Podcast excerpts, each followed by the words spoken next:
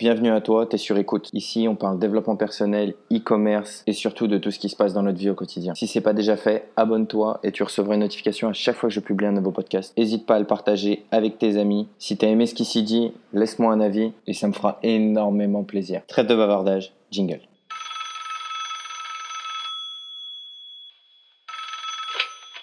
Allô, c'est toi? Quitte pas, t'es sur écoute.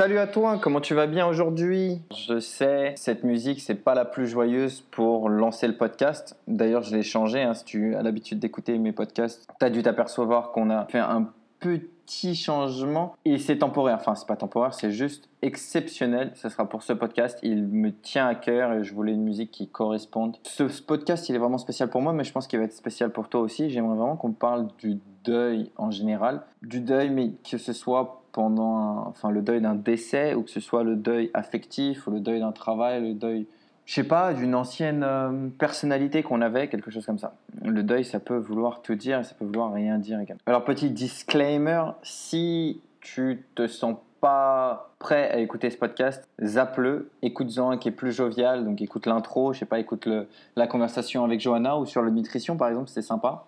Mais zappe ça tout de suite parce que sinon ça va te mettre de mauvaise humeur ou tu vas te sentir. Enfin, quand j'ai de mauvaise humeur, tu vas pas t'énerver, mais tu vois, ça, ça risque de te rendre peut-être un peu triste ou mélancolique, je sais pas. Par contre, si tu veux qu'on parle du deuil, eh ben allez, vas-y, on est parti. Mais en vrai, c'est quoi le deuil? Parce que c'est une définition. C'est une définition assez abstraite et c'est toi qui choisis ce que tu veux étiqueter dessus. Mais en général, c'est une définition qui reste quand même assez péjorative. On dit faire son deuil, mais on s'imagine toujours la veuve habillée en noir avec ses lunettes de soleil, son grand chapeau, en train de pleurer. Et c'est un peu triste en fait de mettre cette notion péjorative parce que certaines personnes ont tendance plutôt à s'énerver pour faire leur deuil. Donc tu vois par exemple, je sais pas, tu as perdu ton travail. Tu peux, tu peux vouloir taper dans un mur, hurler sur les gens ou tout simplement sauter de joie. Et donc certaines personnes qui n'arrivent pas à pleurer ou qui ont besoin d'exprimer leur deuil différemment se sentent un peu gênés, lésés parce qu'on leur dit mais pourquoi tu pleures pas, c'est pas normal. Alors que tout simplement, certaines personnes ont besoin de parler, certaines personnes ont besoin de rigoler, certaines personnes ont besoin d'écouter ou d'être cajolées. Ou... Voilà, donc à toi de trouver ta façon de faire ton deuil. D'ailleurs, c'est vrai que si on parle du deuil façon décès, moi, ce qui me sidère, c'est que on obligé de faire un truc pesant, pompeux, et, c'est ennuyeux. Enfin, moi, je sais pas, j'adorerais qu'on rigole, qu'on fasse des fiestas euh, pour mon décès. Je sais pas, il y, y, a ce truc du, gospel, par exemple, aux États-Unis, dans la société afro-américaine.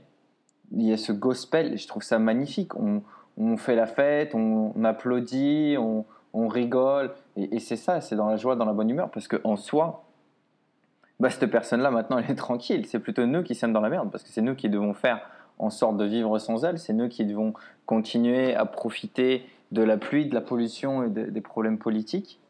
Donc au final, c'est plutôt nous qui sommes dans la merde. Et on devrait être contente pour la personne qui est partie. C'est assez égoïste en fait. Parce que tu t'en fous un peu que la personne elle soit partie et qu'elle soit décédée de ça. En fait, tu regrettes que la personne t'ait laissé seule ici. Et c'est pareil avec un travail. En fait, c'est égoïste. C'est le fait de te dire j'ai plus la sécurité de l'emploi, j'ai plus ci, j'ai plus ça. Et donc on a du mal à faire ce deuil parce qu'on devient égoïste. Alors que si on était un peu plus tourné vers l'autre, que ce soit dans le monde du travail, dans une relation amoureuse ou euh, peu importe, et qu'on voyait que l'autre est maintenant plus heureux sans nous, et bien que nous-mêmes on peut devenir plus heureux. En fait, si tu es heureux par toi-même, tu acceptes beaucoup plus le décès. Et je parle en connaissance de cause. Enfin, L'année dernière, j'ai perdu 200 000 euros, donc c'était un, deuil assez dur à faire. Mais j'ai perdu cinq personnes proches de moi. Un très bon ami dans un accident de moto, mon père après, deux de mes oncles et une tante. Donc je te dis pas ça comme si... Euh, voilà. Et je vais pas te mentir, j'ai toujours du mal, enfin surtout quand, quand, je pense à mon père, j'ai toujours du mal à, me dire ça y est, il est plus là, il est parti. Parce qu'en fait, je m'imaginais toujours un futur avec lui, où il était là, pas très loin, à me sourire et tout ça. Et quand je l'imagine maintenant, j'ai toujours les, les, dernières images où je l'ai vu. Donc c'est assez compliqué. Et j'imagine que tu as dû vivre une situation, enfin je sais pas, similaire. Peut-être que tu as perdu un proche de ta famille ou, ou même des fois, on entraîne les enfants, entre guillemets, à accepter le deuil en leur donnant des animaux de compagnie. Un, un chat, un poisson ou peu importe, une tortue. Parce qu'à un moment ou un autre, bah, cette tortue, ce compagnon, il va partir. Et c'est une torture en fait. Pourquoi tu ferais ça à un enfant? Mais en soi, c'est la vie et c'est la beauté de la vie que toute chose a une fin. S'il n'y avait pas de, date de péremption, par exemple, des fois, bah, tes, bouquins par exemple, il n'y a pas de date de péremption, tu les as, ils sont dans ton armoire et tu les oublies. Alors que si tu savais que ton bouquin il allait s'autodétruire dans 10 jours, bah, tout d'un coup tu, tu filerais et tu te dirais Ah non, non, il faut que j'en profite. Voilà, c'est pareil. Alors, je sais pas pourquoi j'ai parlé de bouquins, ils étaient juste en face de moi, donc je pense que c'est ce que j'ai, pour ça que j'ai utilisé cet exemple. Mais il n'y a pas que a pas que le décès, il n'y a pas que la, la rupture, il y a aussi des fois perdre un ami. Quand je dis perdre un ami, je parle de perdre une amitié en fait. Quand euh, tu te fâches avec ton ou ta meilleure amie, ou que ta meilleure amie ou ton meilleur ami se marie, ou qu'il y a un départ à l'étranger. Et je pense que moi, c'est ce qui a forgé un petit peu mon cœur et qui est et, mon caractère, de fait de partir aussi souvent et de devoir laisser ma famille derrière, de devoir laisser mes amis derrière, de devoir laisser mes affaires derrière. On a un grand souci dans cette société avec l'affection qu'on porte aux objets. On a tous un caleçon porte-bonheur, un bracelet porte-bonheur, on a notre téléphone. Tu, tu demandes à des enfants, enfin des enfants, des adolescents, il y avait une, une enquête comme ça qui demandait à des jeunes de 15 à 16 ans euh, est-ce qu'ils préféraient se perdre la main, qu'on leur coupe une main, ou euh, perdre leur téléphone.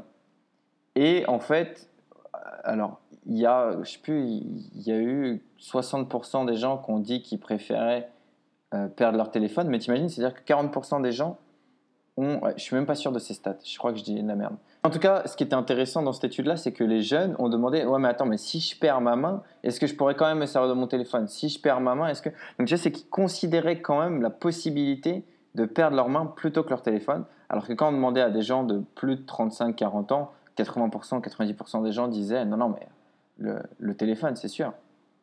Et c'était une stat qui était vraiment ridicule parce que on voyait à quel point les gens s'attachaient énormément à leur téléphone, qui est un objet, plutôt que s'attacher à des gens. Et donc faire le deuil d'un objet, faire le deuil d'une personne, faire le deuil d'une amitié, d'une relation, c'est compliqué. comment tu peux faire en fait? Il faut, il faut savoir se, se situer dans, déjà dans, une, dans un espace-temps, je pense. Parce que on vit tous un peu entre le passé, le présent, le, le futur, en se disant le passé, ah, mon téléphone, il m'a tellement servi, c'est grâce à ça que dans le passé j'ai fait ci, j'ai fait ça, l'amitié et tout ça. Et dans le futur, en se disant, tout va toujours très bien. Est-ce que tu t'imagines un futur où vraiment tout est pourri, tout est noir, tout est sombre? Si tu t'imagines un futur comme ça, arrête le podcast, va voir un psychiatre, euh, va voir quelqu'un, consulte, parce que c'est pas c'est pas sain. Quelqu'un qui voit le futur de façon négative ou très très très très négative, et quelqu'un qui a des problèmes profonds. Donc attention, si tu es dans cette situation-là, encore une fois, c'est pas si grave que ça, tu peux le travailler. L'important, c'est de s'en rendre compte. Et maintenant que tu t'en es rendu compte, va voir, je t'en supplie, va voir la personne qui peut t'aider. Et pas un coach, hein, vraiment, c'est si tu vois vraiment le monde, le futur, que de façon négative, apocalyptique et tout, va voir quelqu'un. Et donc pour en revenir à ça, normalement, tout le monde s'imagine un futur meilleur. Bah, quand tu t'imagines un futur sur le long terme, tu te vois avoir des enfants, tu te vois avoir une maison, tu te vois avoir un travail, tu te vois grand, fort, tu te vois belle et, et resplendissante, souriante, euh, au soleil, enfin peu importe, tu t'imagines toujours un truc heureux. Et petit à petit, quand ton présent arrive dans ton futur, donc euh, bah, tu t'imagines que demain il va faire beau et demain bah, il fait pas beau. Donc on est toujours déçu parce qu'on s'imagine toujours quelque chose dans le futur qui sera plus beau. Et quand on est dans le passé, on s'imagine toujours un passé très extrême, soit tout va très bien, euh, ma relation était parfaite, c'était l'homme de ma vie, je comprends pas pourquoi il m'a laissé, ou euh, c'était un mec horrible, il avait que des défauts, rien pour lui et tout ça. Et ça marche, et ça marche aussi dans une amitié. Ce qui est très important, c'est pouvoir revenir dans le présent et se dire que le futur sera probablement meilleur et que le passé n'est probablement pas aussi blanc ou aussi noir qu'on aimerait le croire. C'est juste, il faut refaire la part des choses. Et à partir du moment où tu fais ça, tu peux te dire, alors, bah, s'il était parfait, tu peux te dire, bah non, en fait, bah, il se brossait pas bien les dents, ou il se brossait pas les dents tous les jours, ou il n'était pas toujours à l'écoute de ce que je disais, ou il, passait il préférait passer du temps avec ses amis. Et en fait, quand tu arrives à relativiser ça, tu peux petit à petit faire ce deuil de la relation ou faire le deuil d'une personne qui s'en va. Dans le sens inverse, si tu le vois de façon négative, en fait, tu vas toujours garder une certaine amertume. Et il faut pouvoir rendre des comptes en fait à la personne en disant, bah certes, sur la fin, c'était pas si bien, mais au début, tout allait bien, il était romantique, elle était romantique, elle était douce, il était doux, peu importe. Donc si tu arrives un peu à rééquilibrer euh, ce passé, en fait, imagine ton passé comme... Imagine ton présent, c'est ta maison, c'est là où tu vis. Tu vis dans le présent, normalement. Ce serait mieux d'ailleurs. Tu vis dans ta maison qui est le présent, et c'est une maison sur pilotis. D'accord? C'est des piliers, les piliers de ta vie, de ton passé. D'accord? Et ces piliers, ils sont pas stables et ils sont. Cette maison sur pilotis, elle est dans une mer agitée, très agitée. Bah, imagine que cette maison, cette mer très agitée, elle va bousculer, balancer ta maison et tu vas te dire mais merde, enfin, j'ai peur, qu'est-ce qui va se passer dans le futur? Et donc c'est ce qui va faire que tu vas pas te sentir à l'aise dans ton présent et tu vas, tu vas tanger. Maintenant, imagine que ta maison, elle est sur des pilotis qui sont parfait. La mer est calme, rien ne bouge, il fait toujours beau. Tu vas jamais vouloir quitter cette maison. Et tu peux me dire, bah, pourquoi je voudrais quitter cette maison? Rappelle-toi qu'on parle de ta relation du passé, que ce soit d'un travail, d'un ami, d'un parent, d'un amant. Si tu imagines cette relation parfaite, tu vas vouloir rester dedans. Et donc tu vas vivre dans ton passé sans te tourner vers le futur. Et donc c'est pas sain non plus. ok? Donc il faut voir qu'il y a certaines choses qui sont bonnes et il y a certaines choses qui sont mauvaises. Ça, c'est le pro, la, première chose. La deuxième, en fait, ce serait plutôt la deuxième chose. On va parler de la première maintenant. Comme ça, tu es obligé d'écouter. C'est bon, ça, c'est une bonne technique marketing. Je te fais d'abord, je te donne d'abord le conseil numéro 2 et après, je te donne le conseil numéro 1. Parce que sans le conseil numéro 1, tu ne peux pas avancer au conseil numéro 2. Tu es obligé de m'écouter en entier. Bon, en fait, il y a un truc à savoir, c'est que ton subconscient, dans ton subconscient, de perdre un ami qu'une relation, quand une relation se termine, que ce soit une relation affective, conjugale euh, ou même relationnelle, professionnelle, à partir du moment où il y a une rupture dans cette relation, dans ton subconscient, ça a le même impact qu'un décès, que de perdre quelqu'un. Et c'est pour ça que je fais cet épisode en parlant du décès, en parlant du, de la rupture conjugale, en parlant d'un départ d'un ami à l'étranger ou d'une amie ou même quelqu'un qui tout d'un coup devient en couple. Vous avez été amis pendant des années et tout d'un coup une des deux ou un des deux est en couple et donc tu te sens seul tout d'un coup et tu te sens délaissé et c'est exactement ce qui se passe quand il y a un décès. Maintenant, si tu veux qu'on fasse un podcast vraiment sur euh, le deuil affectif, euh, amoureux et tout ça, n'hésite pas à m'envoyer un message et, et, on en parlera. Ou même si tu veux qu'on en parle toi et moi en privé, n'hésite pas à m'envoyer un message.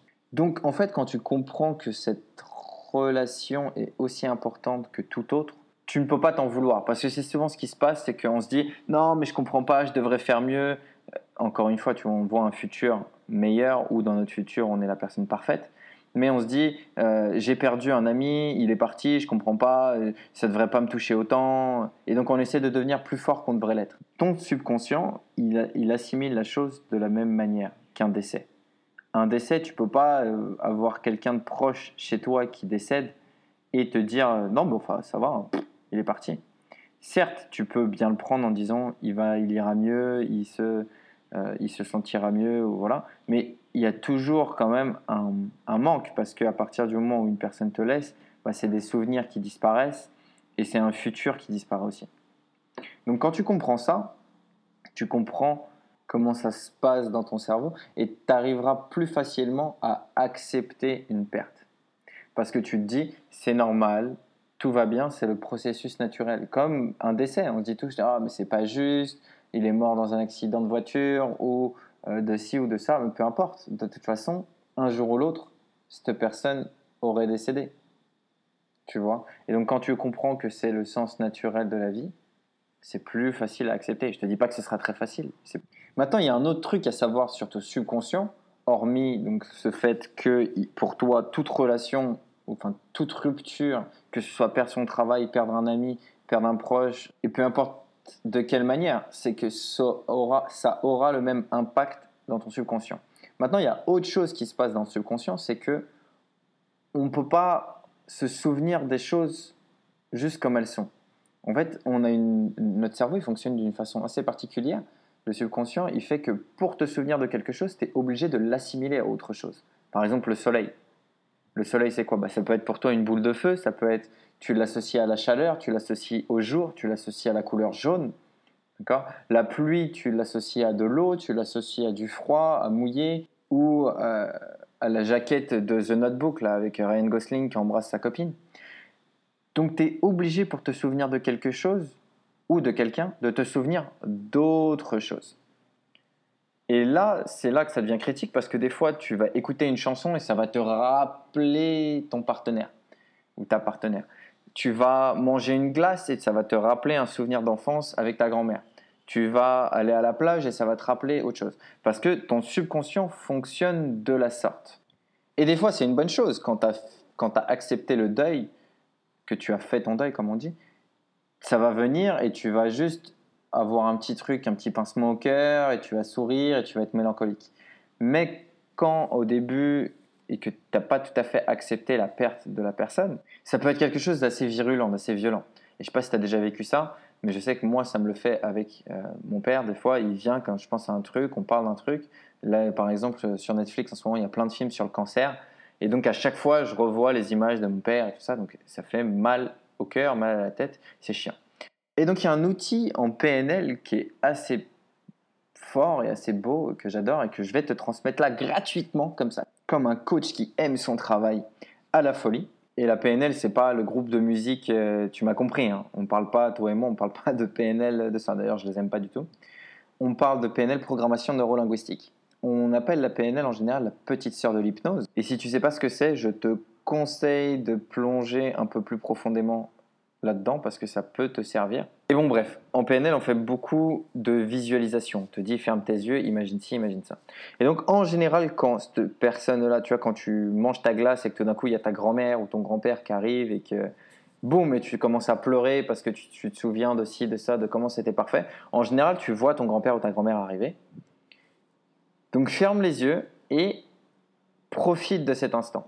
Parle à ta grand-mère ou à ton grand-père, dans ta tête, hein, si tu veux pas paraître un, peu fou. Et tu n'es même pas obligé de fermer tes yeux hein, si tu le sens ou que tu arrives à sentir son parfum ou que tu il y a un truc qui te tient les, les boyaux et tu sais que c'est ta grand-mère ou que c'est ton grand-père. Enfin, il y a certaines personnes qui le voient, qui le ressentent. Moi, moi, par exemple, je le ressens. Mais bref, profite de ce moment et il dit juste dans ta tête, envoie des ondes en disant pourquoi tu viens sans que je t'invite? Je suis content que tu sois là, ça me fait plaisir, mais tu vois, ça aurait pu être un moment où je conduisais, ça aurait pu être dangereux parce que j'aurais eu la tête autre part. Je veux bien que tu viennes comme ça, mais pas aussi violemment. Fera pas la porte, ne la défonce pas, tu vois. Et je sais pas, parle à ta grand-mère ou à ton grand-père ou peu importe à la personne qui vient et dis ah, tu te souviens de ces moments qu'on avait de bien, et puis tu te souviens de ces trucs que tu faisais que j'aimais pas du tout, et puis tu te souviens de ci, tu te souviens de ça. Et tu profites de ce moment, t'embrasses, euh, embrace, je sais pas comment on dit, tu, tu, tu le prends, tu le, tu l'empoignes, ce moment, t'en profites, tu le savoures, et à un moment, quand tu penses que c'est fini, tu prends ton temps évidemment, tu fais un câlin à cette personne, ou tu l'embrasses, ou tu lui serres la main, peu importe, tu vois, si c'était un ex, si c'était un travail, peu importe ce que c'est, ça peut être ton ancien toi qui était euh, drogue addict, ou, ou peu importe. Le deuil, c'est vraiment, ça englobe beaucoup de choses. Tu, tu cajoles cette personne, tu lui dis que tu l'aimes, tu lui dis que, que tu l'apprécies, tu lui dis que... Ou, ou inversement, si, si c'est une personne qui vient et qui te fait du mal, tu lui dis euh, je suis plus fort maintenant, tu ne me feras plus de mal, je te pardonne, je t'accepte, mais euh, tu n'es plus la personne que je veux, on peut partir en bon terme, on se serre la main. Et tout ça dans ta tête, hein, attention, c'est pas obligé de prendre 20 secondes, c'est pas obligé de prendre 20 minutes non plus. Et ça peut te paraître vraiment bizarre ou insensé ce que je suis en train de te dire, mais ça marche vraiment. Et donc, une fois que tu as serré la main ou embrassé ou, ou voilà, et donc rien de violent, tout dans la tendresse, dans l'acceptation. Tu prends cette personne par les épaules, doucement, euh, tendrement ou, encore une fois avec compassion, et tu la tournes pour que cette personne vraiment te, te montre son dos, et tu la guides vers un pont que tu crées dans ton imaginaire, encore une fois, ou un ascenseur, ou peu importe, tu vois. Et tu lui dis à cette personne, voilà, moi j'appartiens à ce monde-ci, toi tu appartiens à ce monde-là, et donc ce pont est notre connexion, mais tu ne peux pas arriver comme ça, voilà, tu dois prendre ce pont, et je sais que tu es là, et si je veux que tu reviennes, je peux t'appeler, euh, si tu veux venir, tu peux faire un signe, et je peux te faire venir, mais tu appartiens à ce monde, donc du, passé, ou je sais pas, de l'au-delà, comme tu veux le dire, toi. Et moi, j'appartiens à ce monde réel, où je dois continuer à vivre ma vie. Et je comprends que tu veux me soutenir, je comprends que tu veux me visiter, mais il faut pas t'inviter comme ça. Voilà. Ok? Donc c'est un truc qui est assez abstrait et, c'était un peu hypnotique, mais j'essayais de te donner un petit peu les, euh, les bases. Après, c'est compliqué à faire comme ça quand, quand tu n'es pas là et que je ne sais pas ce que, tu, ce que tu veux travailler exactement. Mais c'est un truc que tu peux bouger à ta, à ta, façon, à ta sauce. Et de toute façon, ton subconscient va t'aider, il va créer toutes ces choses-là. Donc, que ce soit ressentir, que ce soit euh, avoir un, un, arrière, arrière-goût de la glace dans la, dans la bouche, ou, ou avoir une musique ou une mélodie qui te sonne aux oreilles, ou de voir tout simplement cette personne tout ça, ton subconscient va le prendre en charge. Toi, laisse-toi aller et libère tes émotions, libère ta rage en, mais pas, enfin voilà, tu, tu, libères ta rage en disant, voilà, c'est fait, c'est fait, c'est passé. J'avais envie de te dire ci, j'avais envie de te dire ça, et, et je te pardonne. Toujours pardonner, toujours pardonner la personne d'être partie, mais aussi se pardonner à soi, tu vois, de ne pas forcément avoir fait les bonnes décisions, de ne pas avoir forcément fait les bons choix. Et une fois qu'on pardonne, on peut accepter plus facilement et on peut avancer beaucoup plus vite. Ok?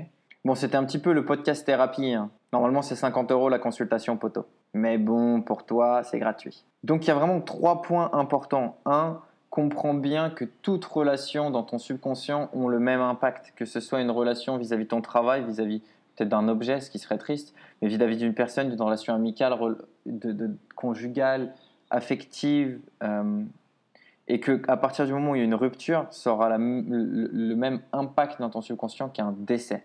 Et un décès, je peux te dire que ça fait mal à la tête, ça fait mal au cul et mal au corps, peu importe, fait mal partout.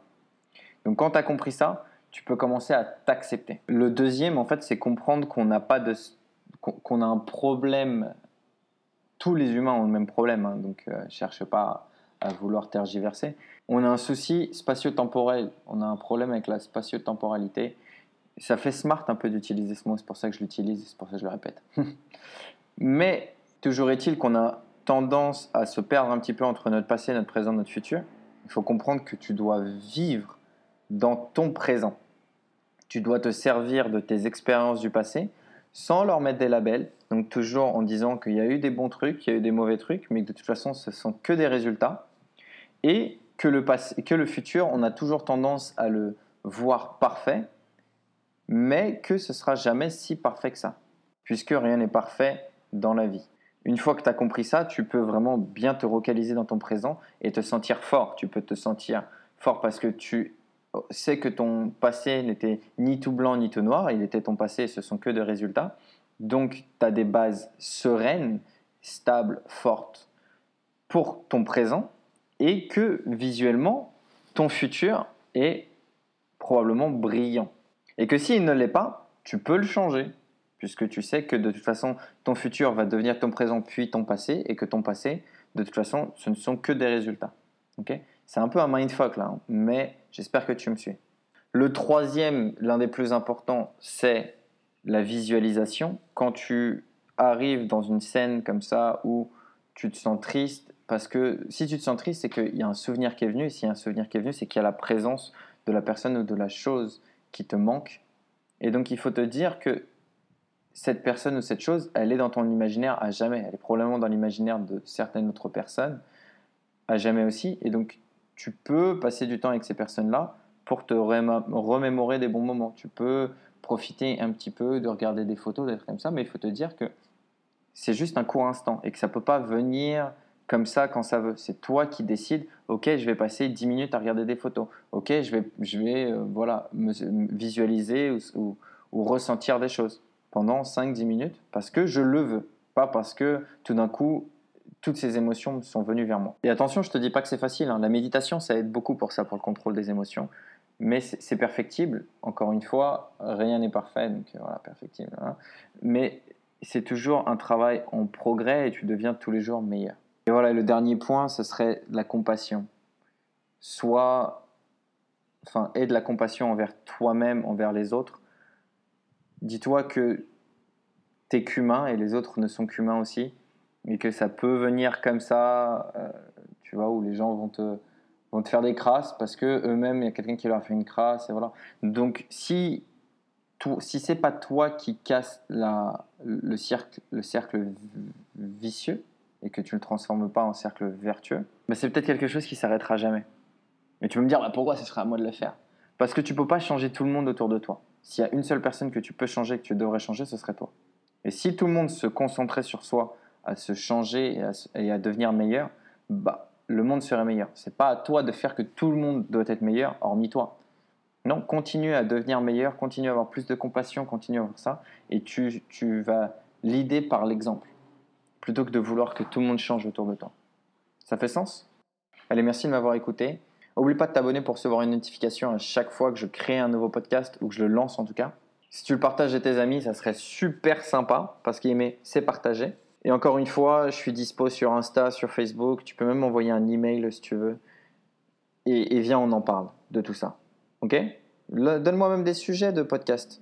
Ça peut être sympa ça. Merci encore une fois de m'avoir écouté. Maintenant c'est fini, je raccroche. Il n'y aura pas la petite musique à la fin. Je tenais juste à te dire, s'il y a quelqu'un que t'aimes, dis-lui le plus souvent possible. S'il y a quelque chose que t'aimes faire, fais-le le plus souvent possible. La vie est courte et les gens s'en vont très très vite malheureusement. J'ai eu la chance de passer neuf mois incroyables avec mon père avant qu'il décède. Et, et pour ça, je suis reconnaissant. Et il me manque tous les jours, crois-le, mais c'est comme ça et la vie continue. Donc dis bien à tous les gens que t'aimes que tu les aimes. C'est très important. Passe du temps avec eux appelle-les souvent, fais des visios, je sais pas, peu importe. Passe du temps avec ta famille, passe du temps avec tes amis, passe du temps avec les gens qui sont importants pour toi. Profite des vies, malheureusement, ensemble, on n'en aura qu'une. Et heureusement, parce a certaines personnes, t'as pas envie de les revoir. bon, allez, c'est fini. Ciao, merci de m'avoir écouté.